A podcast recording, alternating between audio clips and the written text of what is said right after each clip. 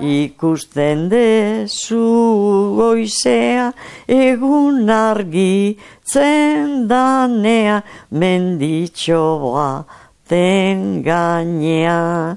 Etxetipitxo, hain Etxea, ondarea historia mintzoa.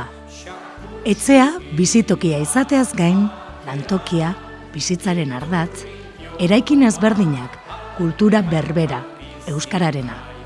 Etxea liburuan oinarrituta, samar ikerlariarekin solazean.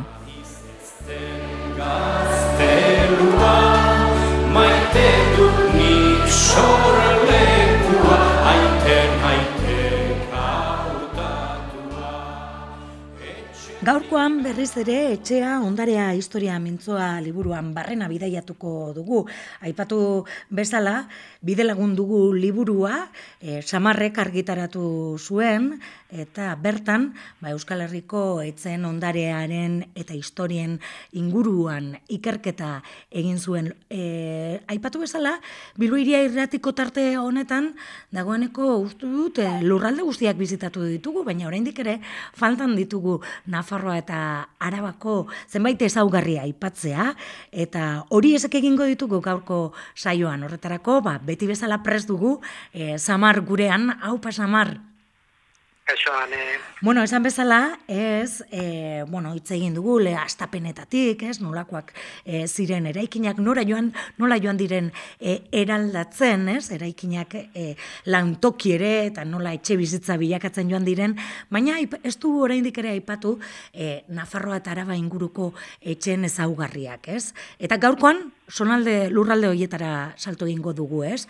Egoaldean, Araba eta Nafarroan, zer, zer nolako etxeak edo motak aurkitzen ditugu?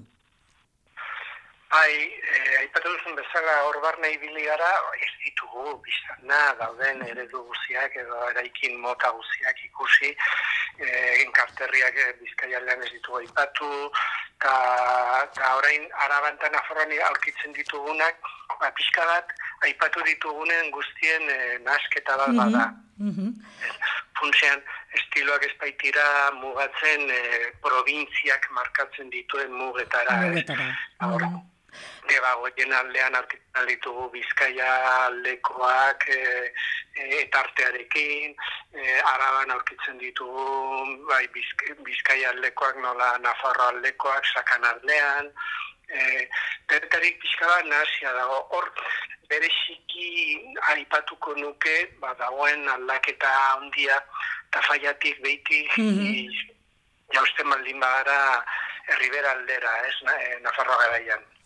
Hor ikusten da, beste, beste kultura bat bilatu dela hor, eta ez da kasualitatea tafaialdean, baldorban, eta inguruko mm -hmm. ibarroietan, penontan egin dituzte lan batzuk, eta era, ba, lan horiek erakusten dute, nola hor barna ere, Bizkaia edo Gipuzkoa edo Xuderan bezala etxeek izena dute. Izena mm -hmm. hain zuten hain importante izan den etxe izenak zen, izan baitira gure personen identitateak, ez? Mm Baina hor mm, tafaiatik beiti ikusten da beste egitura bat.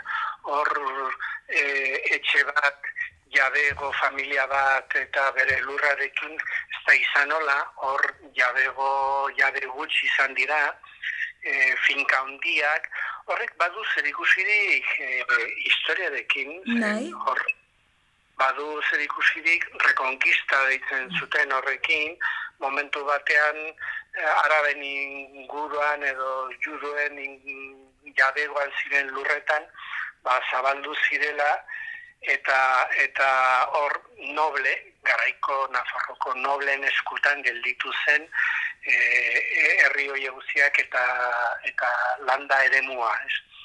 Mm orain aurkitzen diren etxeak ba, baita ere biztan da klima aldatzen da. Ba, desberdina dira eta hor hor izan da e, tradizionalki jende ugari, baina lurrik ez zuena, eta mm -hmm. izan direnak, ba, ba, mutil edo neskato, ba, latifundia handi horietan jabe e, noblen dako edo jabe handien dako ez. Mhm. Lanean eta etxe horietan bizitzen, ez? Bai, hori da, eta Mhm. etxetxoak dira, ja desberdina, Desberdin. hori ikusten da adobe etxeak direla, Mhm. adobea bustinez eta ta lastos egindako o, etxeak dira, ar, e, hormak, beste klima bat, beste eragin handiago ikusten da ja e, egoalde, e, Euskal Herritik egoaldean dagoen lurraldearena, ez desberdina da hor. Bueno, bukatzen joateko eh, errepaso ederra egin dugulako eta aipatu duzun bezala eh, liburuan hainbat, hainbat eh, eh, etxe eta pasarte eta eh, bueno, kontu gehiago eh, zehaztapen gehiago egiten dituzu, ez? Baina saio hauetan guztietan ikusi dugun ondare hori eh, bueno, nola zaindu beharko genuke eh, zen ere askotan alba, etxe asko eta baserri asko hemen liburuan ikusten dugunak inoiz ikusi izan ditugu daldamenetik pasatu izan gara baina eh, ez diegu ez da erreparatu egin, ez? Eh, Bai. Ados, aipatu, aipatu izan dugu, ez? E, nik dut ulertzen nola, nola udalek ez duten konsideratzen e, ondare bezala. Eta web horritan edo egiten duten informazioetan, ba, agertzen da herriak dituen ondare artistiko, ba, la, idatzitakoak, ez? Ba, elizak eta monumentoak eta eta aldiz etxeak ez dituzte kontutan hartzen. Aipatu dugularik, zenbaitetan, bueno, etxeak dira gotikoak, edo Mhm. renacentistak, edo barrokoak, edo i- izigarri, izigarrizko uh, uh, eraikina daude Euskal Herri gauzean barna banatuta. Eta hori kontutan hartzea, ez? Ba, ba, zabaltzeko, egiteko ibibideak, etxeak ikusteko, sobera, albada, bertakoak molestatu gabe. Mhm. Bai. Zenala, ere, Mhm. arrisku bat ere hori. Baina, bederen, ba, erakustea, e, herrien handik urbilen zegoen arkitektura zein zen. Mhm. Ez ziren gazteluak eta eta jauregiak, baizik eta etxeak, Mhm. baserriak. Eta ba, nire ustez gainera kontutan hartuz azken mendetan oraintzu hartio nolako, no, arte nolako izan den e, gure kulturak, bueno, ba, nik uste igar guztietan bederen saiatu beharko liratekela bat atxikiz e, ongi gordeta eta ongi babestuta, zen gainerakoak badakigu. Familien goraberen arabera e, moldatzen eta garatzen dira askotan, ez? Mm. Gainera, eh, saioan zehar, eh, bueno, aipatu izan duzu, ez? Oso gutxi, eh, ba, bueno, mungian dagoena, gero ere itxason, eta lapurdin besteren bat, oso gutxi daude bizitatu alko ditugunak, ez? Eta ikusi, ez? Nolakoak Oso ziren. gutxi, hori da, iruz, palau, Mm. ustaritzen uste du badagoela beste bat, Mhm. eta lapurdin, baina o, e, e, ez daude, eta pena da, zein gainera, gero ikusten dituzu herri askotan, Nafarroa garaian bereziki, etxe e, zarrak eroriak, ba, bertakoak meriketara joan zirenak, eta ja ez direla horretu etxeak, u- uzi dira erortzen, monumentoak eta gero o, harri lapurketa gertatzen dira ere, behin e, erorita. Mhm. Osea, ez atxiki, ala nola atxikitzen diren edo zaintzen diren beste gauza batzuk. Mm. Bueno, ba, e, izan dakoa, ez? E, hortxe usten dugu, ez? E, norbaitek entzuten ba, gaitu.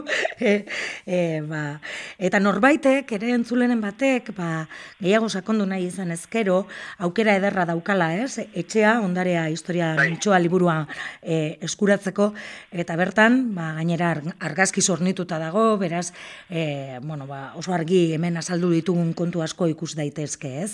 E, bueno, E, izan ere, Bai. ba, beti esan entzongo, eh? etxe honetakoa zara, etxe bestekoa, eta ze garrantziak izan duen, ez? Gure kulturan etxea, ez? Hori da, absolutoki ez. Eta horrein ederra da hori e, ezagutzea eta Mm. mantentzea. Apena da, ze etxei buruz ere mintzatzen irratian alde batek izaia da, ez baita ikusten Mhm. e, ikusi ahal, ez?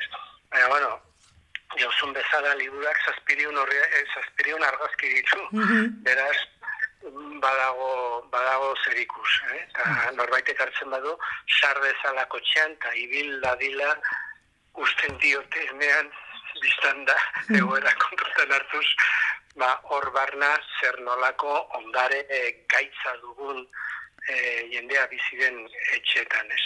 Bai, egia esan, orain agian ezin izango gara joan, e, urrutiko lurraldeak bisitatzera, ba, bisitatu dezagun, ez? Gure inguruan ditugun ondare eta etxe ederra hauek, e, ziur asko, e, liburu eskuratuta, e, zuen eskualde alboan ere, topatuko dituzue, e, bueno, gauza interesgarriak.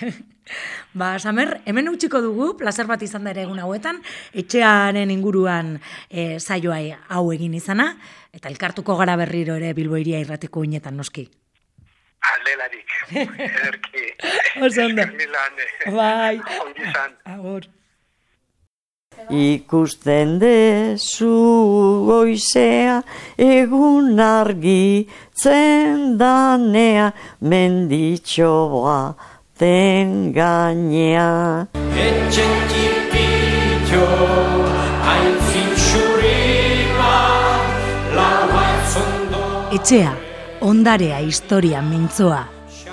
Etxea, bizitokia izateaz gain, lantokia, bizitzaren ardatz, eraikin ezberdinak, kultura berbera, euskararena. Etxea liburuan oinarrituta, samar ikerlariarekin solazean.